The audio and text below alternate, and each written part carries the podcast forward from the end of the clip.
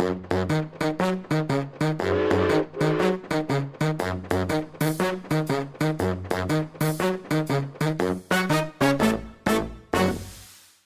ønsker vi eh, nye og gamle lyttere velkommen til podkasten Ekspedert. Dagens episode skal eh, gjøre oss litt mer kjent med en eh, Narvik-gutt som heter Thomas Hegghammer. Velkommen til oss, Thomas. Tusen takk for det. Du er Narvik-gutt og eh, av og til tilbake i eh, byen. Men hvor eh, starta livet ditt? Jo, jeg ble jo født på Narvik sykehus. Eh, og bodde de første årene i, Vassvik.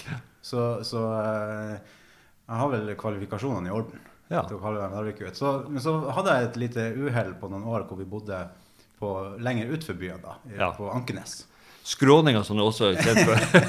Ja, vi bodde på, på Emmenes. Morsan og farsan bygde hus Ja. der ute. Så, men så ble de lei av å, av å, av å pendle, tror jeg. Så flytta vi inn til byen igjen når jeg var ca. ti år. Da Hmm.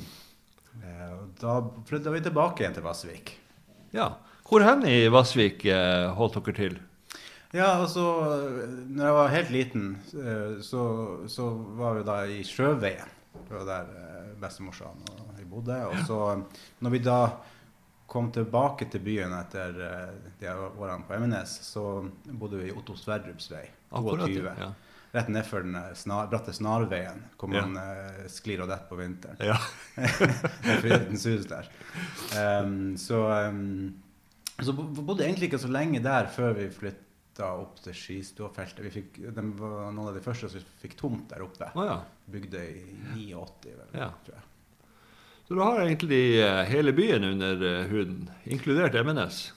Ja, ja, ikke sant? Ikke sant? Så, så har jeg liksom eh, gått på Tårnveien og Parken og spilt på Nord og ja, vært med på mye, mye, mye forskjellig da. Det er ikke dårlig. Du, Ble du tatt godt imot når du kom fra Ankenes og inn og begynte på var- Var det i tredjeklassen at du skifta over fra Ja, nei, jeg måtte jo gjennom den sedvanlige ni måneders karantenen som alle Ja. Ankenes-gutter må gjennom. Ja. Der, der, det, det gikk, gikk veldig fint, det. Ja. Uh, gikk inn i en klasse med bare fire andre gutter og tror jeg 17 jenter.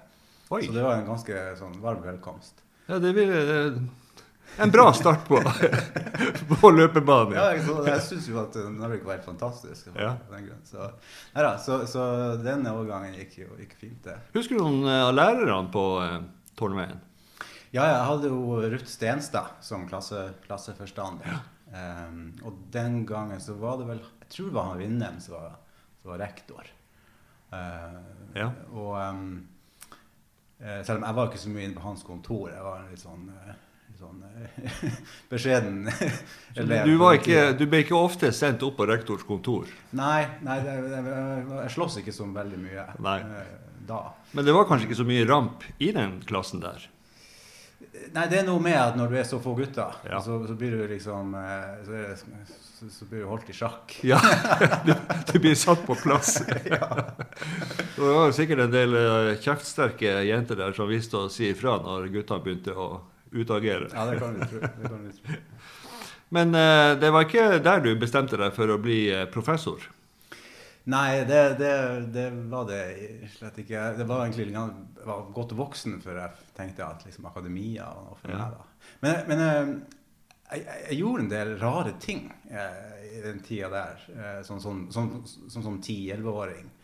Som i ettertid eh, gir litt mening, da. Ja. Jeg, brukte, jeg begynte bl.a. med slektsforskning da jeg var ti år. Det er ikke dårlig. Det er ikke mange som gjør. Det tror jeg, det, jeg har ikke data på det her, men det må være i, i kanskje verdensrekord, eller noe oppi der. For uh, hadde mine barn begynt med det i 20-årsalderen, så har jeg ringt uh, Psykologen. ja, ikke sant? Nei, jeg syns det var veldig artig å høre historiene som de her gamlingene fortalte. Uh, og så likte jeg også å være på biblioteket mye.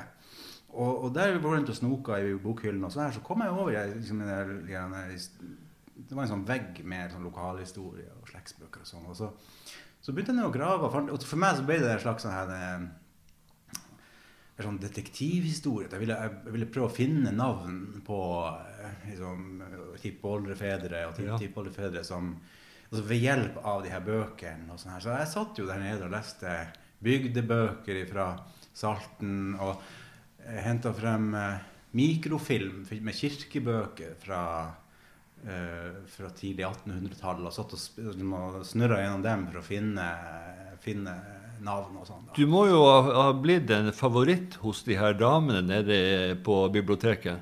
Ja, jeg tror det. Jeg, tror jeg. jeg er i hvert fall godt kjent med dem. Ja. Så, så um, eh, Nei, så, så, så jeg hadde noen sånne litt rare interesser. Jeg tenker jo det at de her damene, når de satt på pauserommet så, og diskuterte liksom de forskjellige gjestene, så tror jeg nok at de sa det at du skal se at det blir noe ut av han der karen. Ja, enten det, eller så går det virkelig galt. Men det gjorde det jo ikke.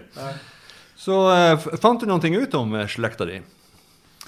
Ja eh, eller, Altså, ikke så veldig mye. Eh, Det er mye, mye lapp, da, eh, Ja. på baki der, og da stopper Det er jo det, det, det er sånn Det er slektsforskerens mareritt, for da stopper det. Da er det ikke noe mer papirer for å komme seg lenger Nei. bak. nei.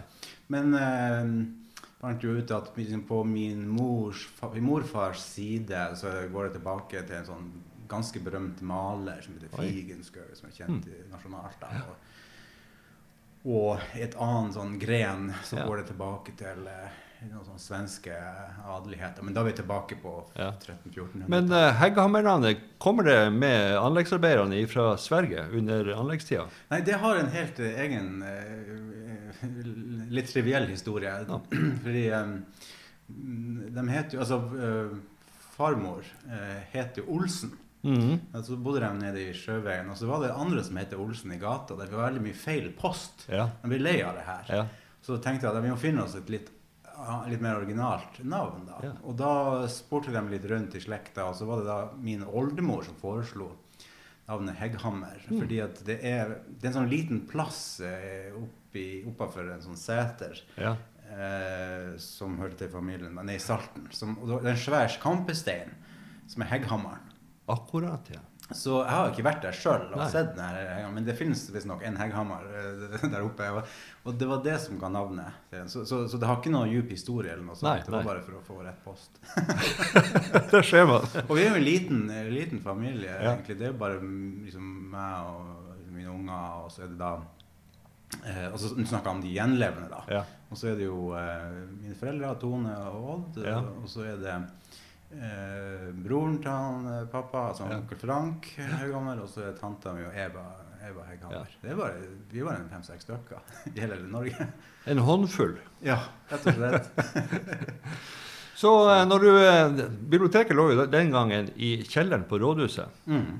Men jeg syns jo det var et veldig flott bibliotek. Ja visst. Ja. Så jeg husker det når jeg kom til, til Tromsø og skulle begynne på universitetet der, så ble jeg så skuffa over det eh, bybiblioteket de hadde. For det var liksom Det var lite, det var trangt, og det var dårlig service og få ansatte. Mm. Det var liksom det rake motsetninga til det jeg var vant med fra Narvik. Mm. Eh, Men nå har de jo fått et eh, helt nytt bibliotek her. Og du skal jo i morgen holde foredrag der. Det stemmer, ja. Ja. Eller det blir mer en slags samtale, jeg Ja. Vidar Note. Mm. Akkurat, ja. I regi av det Ord i spor. Det stemmer. Som jeg tror i år er det 25 år siden han begynte med, med den litteraturfestivalen. Det har vært veldig vellykka. Ja. Mm. Mm. Hva tenker du, eller hva snakka du eh, om eh, for eh, de gymnas- eller videregående elevene i Ja, dag? så, ja, vi hadde en sånn liten generalprøve på samme opplegget nettopp. eh. Og det var Vi snakka litt om ja, de tingene som jeg har jobba med. da, Sånn eh, ekstremisme og terror og forskjellig sånn. da. Eh, så um, det har jo skjedd mye de senere Altså de siste fem-seks årene. Mye Mm. som bomber som har smelt her og der. Og, og jeg har jobba veldig my mye med det der, så eh, det er fint å få, få Ja. formidla litt av det til Ja. eh, ungdommen. Du er jo i dag sjefsforsker Yes. på FFI. Mm. Kan du utdype litt hva en sjefsforsker på FFI gjør? Ja, nei, Det er bare de som kommer fra Narvik, som får den tittelen. Eh, Right. Neida, neida, det er bare en sånn eh, de titlene man har valgt for å eh, liksom, markere ulike liksom, stillingskategorier. Mm. Så, så det når du har eh, liksom klatra så og så langt Eller når du har vært der lenge nok. Så blir du sjefsforsker. Eh, jeg regner med at en sjefsforsker får litt bedre betalt enn en vanlig forsker. Ja, det, ja, det stemmer det. det, stemmer det. Så, så, nei, altså, det betyr bare at man er litt, mer, litt mer senior. Da. Så nei, hva man gjør, det er jo um, Det varierer litt fra fagfelt til fagfelt. Ja. Um, på FFI er jo et veldig stort uh, institutt som driver hovedsakelig med, med realfag, ingeniørfag. Det er jo Mm. der man utvikler og tester alt av duppeditter som Forsvaret bruker. Så når man skal kjøpe inn et våpensystem, så blir det testet der. Så noe man trenger som man ikke finner på markedet, så lager man det sjøl der. Eh, er det noen sånne superhemmelige spesialgreier som spesialstyrkene trenger for å utføre en liten sånn Så er det der. så lager man det der. Og, ja, så så, det, det jo, så kan man, hvordan hverdagen ser ut for forskeren, avhenger jo da av hva, hva slags felt man er på. Mm. Jeg, jeg jobber jo med noe mye mindre eh, på en måte sexy på en måte. At jeg, jeg jobber jo innenfor samfunnsfag og humaniora, så min hverdag består jo i praksis bare av å lese bøker og skrive. Ja. Eh, og, og, og, eh, og, snakke for folk, da. Så, så, men eh, jeg forsker jo da på terrorgrupper. Mm. Og liksom, jobben er på en måte å finne ut eh, mest mulig om gruppen, sånn at vi kan forstå eh, hvordan de opererer, og hvilke grupper som er up and coming, og hvilke grupper som yeah. er på vei ut. Og, sånn at, sånn at eh, liksom, myndighetene, politiet og Forsvaret har en, har en eh, eh, situasjonsforståelse, god situasjonsforståelse. Så, så det handler jo om å grave frem arkivmateriale, samle sammen propagandaen til de her gruppene på krinkler og kroker på nettet. Det å reise ned Midtøsten, intervjue folk, samle kilder fra obskure bibliotek. Ja, apropos reise i Midtøsten. Hvor, eh, arabisk, er det et språk som du har måttet lære deg? Ja, så det, det, det, studerte jeg da før jeg begynte på FFI. Så, så det er på en måte Det var en av grunnene til sikkert jeg fikk den jobben. For at du må ha det for å kunne lese kildene. Så for, å, for de her gruppene vi snakker om, det er jo sånn Al Qaida, IS og sånn, og de, det meste av deres propaganda er jo på, på arabisk. Så skal du forstå ideologien deres, så må du jo Ja. du kunne lese det. Og da hopper vi tilbake til ungdomsskolen. Ja. Eh, parken Ja, vil jeg tro var plassen. det var det. Eh, ikke mye terror der borte. Nei, nei, nei, men eh, det, det, eh, Narvik har jo litt historikk på ekstremisme. Det kan vi komme tilbake til etterpå. Ja. Men, ja. Eh, no, det var ikke vært mye språktilbud heller. Det var kanskje, Nå har de jo spansk der borte, men den gangen så var det vel kanskje engelsk. På Parken? Ja. eller vi, vi var så heldige at vi hadde, vi hadde fransk og tysk òg. Så Ah. jeg var blant de som tok, eh, tok fransk. Og det ble jo egentlig ganske avgjørende for min uh, vei videre. Det kan jeg tenke meg at det var avgjørende. For uh, når du da kom på videregående, det som under min tid het Narvik gymnas, Mm. men som sikkert heter Narvik videregående når du var der. Eller jeg var aldri der. Så det er clouet. Du var aldri der. Frankrike. Du dro til Frankrike? Fra, fra ungdomsskolen. Fortell. Ja, jo nei, jeg var jo eh, Jeg hadde jo han Svein-Willy Michaelsen, eh, som jo er en eh, lærerlegende. Eh, og eh, de som kjenner han, trenger altså for, for, dem trenger jeg ikke introdusere han noe videre. Men for andre så kan man jo si at han var en veldig karismatisk og eh, hva skal jeg si, ins- inspirerende lærer. Som var veldig godt likt fordi han var mye strengere enn alle de andre. Og ungene liker jo egentlig strenge og rettferdige lærere. Mm. Og han eh, hadde masse historier òg, for han hadde jo gjort mye rart. Han hadde vært i, i Mali og i Kongo og Røde Kors og sånn her. Og, han, eh, og på veien så hadde han plukka opp fransk og sånn, og så han var fransklærer, blant annet, på, på, på, på Parken. Og, og, eh, og det var han som på en måte eh, pre presenterte meg liksom for muligheten til å dra uh, utenlands på, og ta gymnas i Frankrike. Det, det, har, eh, det, det, fantes da, og det finnes fortsatt, et sånt uh, liksom opplegg. Sånn, du, du søker um, om, å få, om å komme inn på det her, og så får du stipend, og så får du da en plass på skole i, i, i Frankrike. Så kan du da velge om du vil forplikte deg til ett år, så komme tilbake igjen, gå rett inn på gymnaset her, eller å ta hele gymnaset der.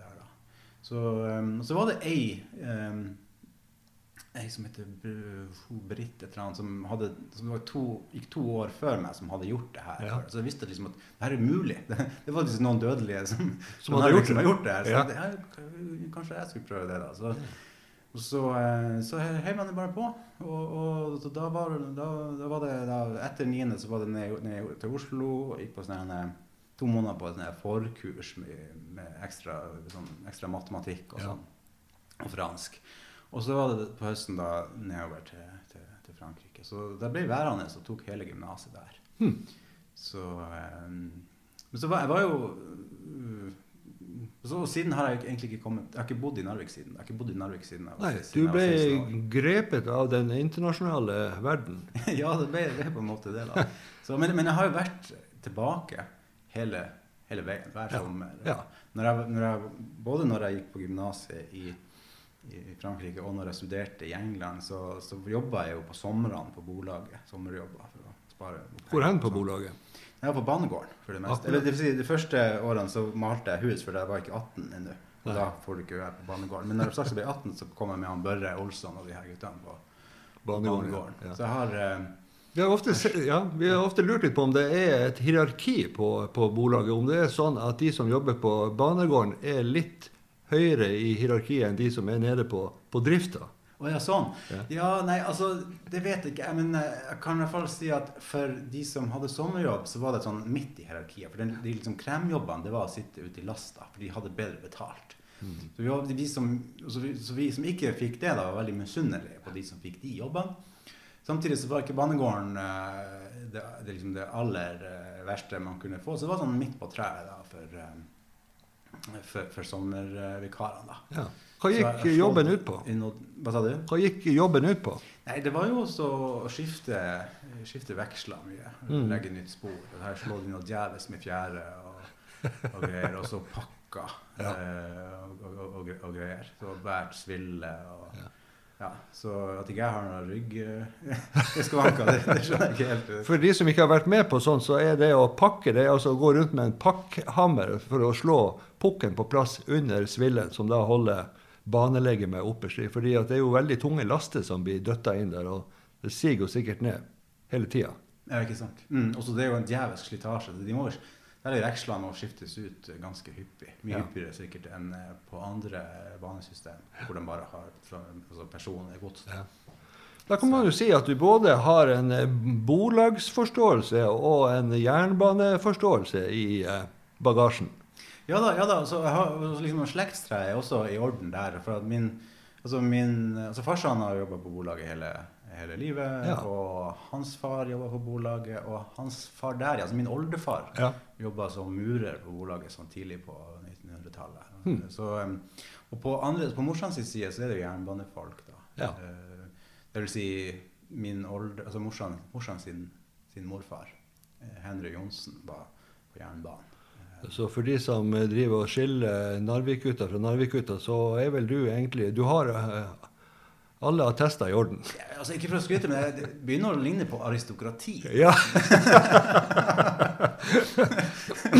Ja da, ja da. Ja, da, så, så, eh, men det var jo kjempeartig og en, eh, en, en, en veldig fin erfaring å ha, ha med seg videre. For det har jo blitt mye, klart, mye bøker og mye kanapeer i ettertid. Ja. Og, og jeg tror man, man bare har, har opplevd sånt hele livet, så, så blir man litt, eh, litt sneversynt, tror jeg. Så. ja. Du, franskmenn de er jo veldig formelle. Mm. Eh, når det kommer en vilt fremmed franskmann inn i et rom med andre franskmenn, så er det å gå rundt og ta alle i hendene, og gjerne litt smasking på eh, kinnene hvis de er i slekt eller familie eller har møttes før. Ja, ikke bare det. det er sånn Når du kommer på skolen på morgenen, Ja. hver eneste dag Du kommer i gangen og, liksom, venter på å komme på, på, på klasserommet, så skal du hilse på alle de andre elevene. Du skal gå rundt og, og liksom og, liksom, og, og håndhilse og, og, og liksom gi, gi eller Det de kaller for å kysse. Liksom. Du tar kinn mot kinn, og så lager ja. sånne eh, lyder. Så, så, så, mye mer sånn eh, ritualer. Hvordan, hvordan var det for en eh, barbarisk nordlending å eh, bli kasta inn i det der? Jo, nei, det var jo veldig rart og fremmed. Og, og særlig, altså, selv etter altså, det er jo begrensa hvor mye du lærer deg i et valgfag på ungdomsskolen i Fransk. Jeg kunne jo ikke nok til å forstå alt som ble sagt. Nei. Eh, Så, så det var bratt Bratt, Bratt læringskurve, ja. ja, ja. Men du ble der, du holdt- ja. ja.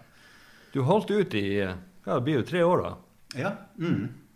Og så, når du var eh, ferdig og sto med fransk artium i eh, lomma og kikka deg rundt, hva så du da? Jo, nei, da hadde jeg jo s- søkt meg til Oxford i, i England. Um, jeg syns det, det hørtes veldig spennende Ingen som tipsa deg om litt, eh, eh, Jo, det var det. Jeg hadde faktisk eh, eh, Altså eh, jeg, ikke, jeg trodde ikke at det var liksom mulig, på en måte. Nei. Jeg trodde at det var, det var liksom så Innsides. fjernt. Og sånn, men så var det, det var tilfeldigvis en, en bekjent som hadde en venn fra Oxford som kom på besøk til oss nede i Frankrike på den vinteren der, og som sa liksom at nei, det er en helt vanlig plass, det er vanlige folk som går der, så det er bare å søke. Så gjorde han det.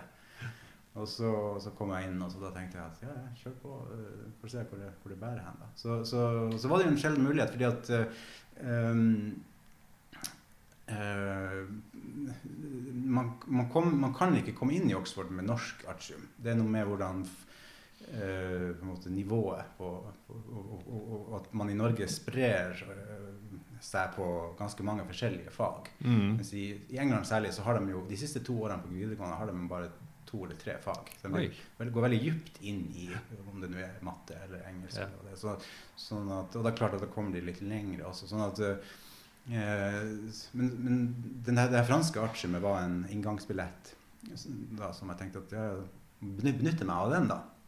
Ja. Og så, så dro jeg dit. Og da, da ble jeg jo der da i fem år. Først bachelor og så master. ja. Jeg regner med du traff ikke så veldig mange andre Narvik-gutter i Oxford? Nei, ikke akkurat Narvik-gutter. Nei, det er noen nordmenn der. Ja. Eh, men men eh, det var kanskje sånn til enhver tid kanskje en ti stykk, noe sånt. eh, av ja, hva, det er en 15 000 eller noe sånt som går der.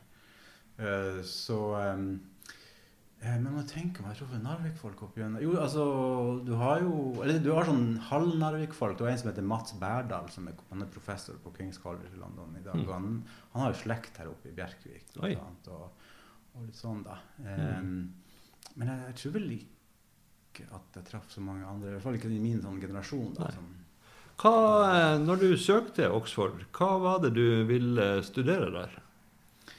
Eh, Da studerte sånn eldre Midtøsten-historie. det Jeg, var veldig veldig, jeg hang vel litt sammen med denne slektsgranskinga. Jeg likte å grave i liksom, historiske dokumenter Ja. og tyde skrifter osv. Så, så jeg, og jeg var flink i språk. så På gymnaset i Frankrike så hadde jeg hatt latin og gresk og syntes det var kjempeartig.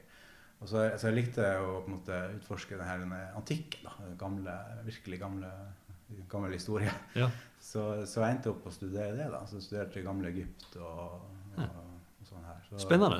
Ja, veldig. veldig. Men totalt uh, måte, un, liksom, ubrukelig.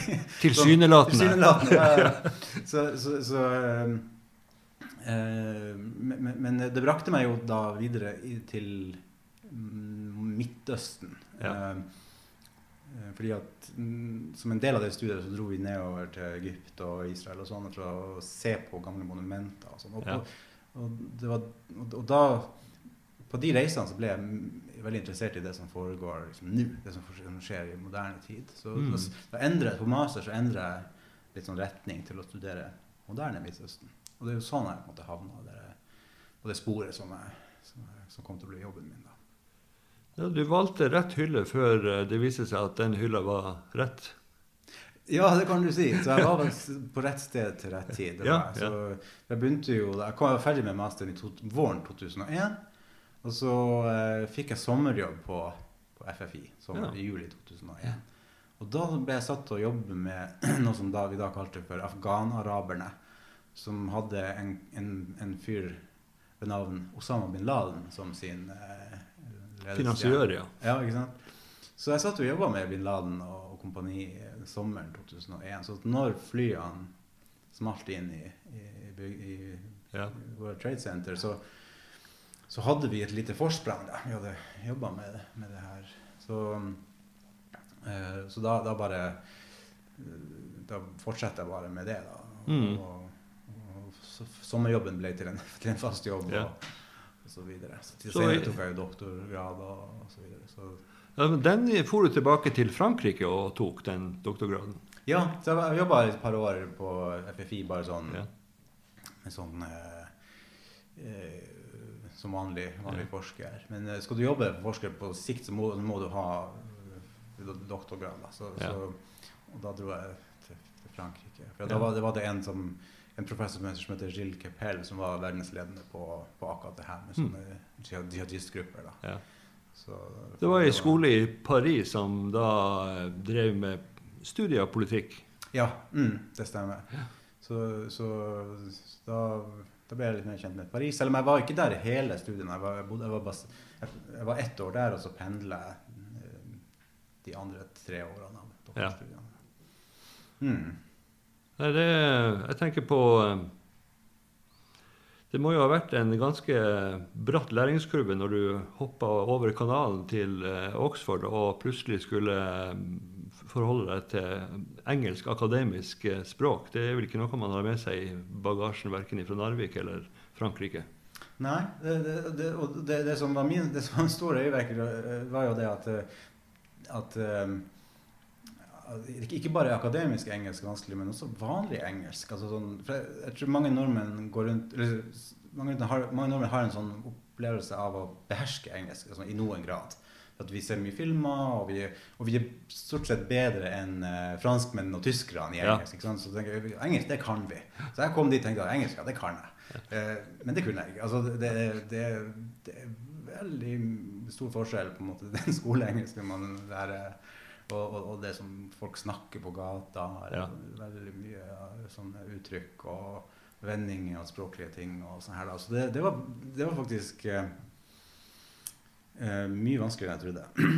så Mm. så eh, egentlig nesten like mye kultursjokk som det å dra til Frankrike første gang.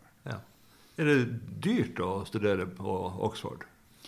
Ja, det, det er det. For, for, for hvis du kommer fra utenfor EU. Ja. Så, eh, eh, men i Norge har vi jo Statens lånekasse, Mm. som dekker det aller meste av skole, skolepenger. Så det er jo den, kan man skal si, den røde tråden her, som har løftet blikket litt. Så er jo eh, hele min eh, karriere et produkt av det norske sosialdemokratiet.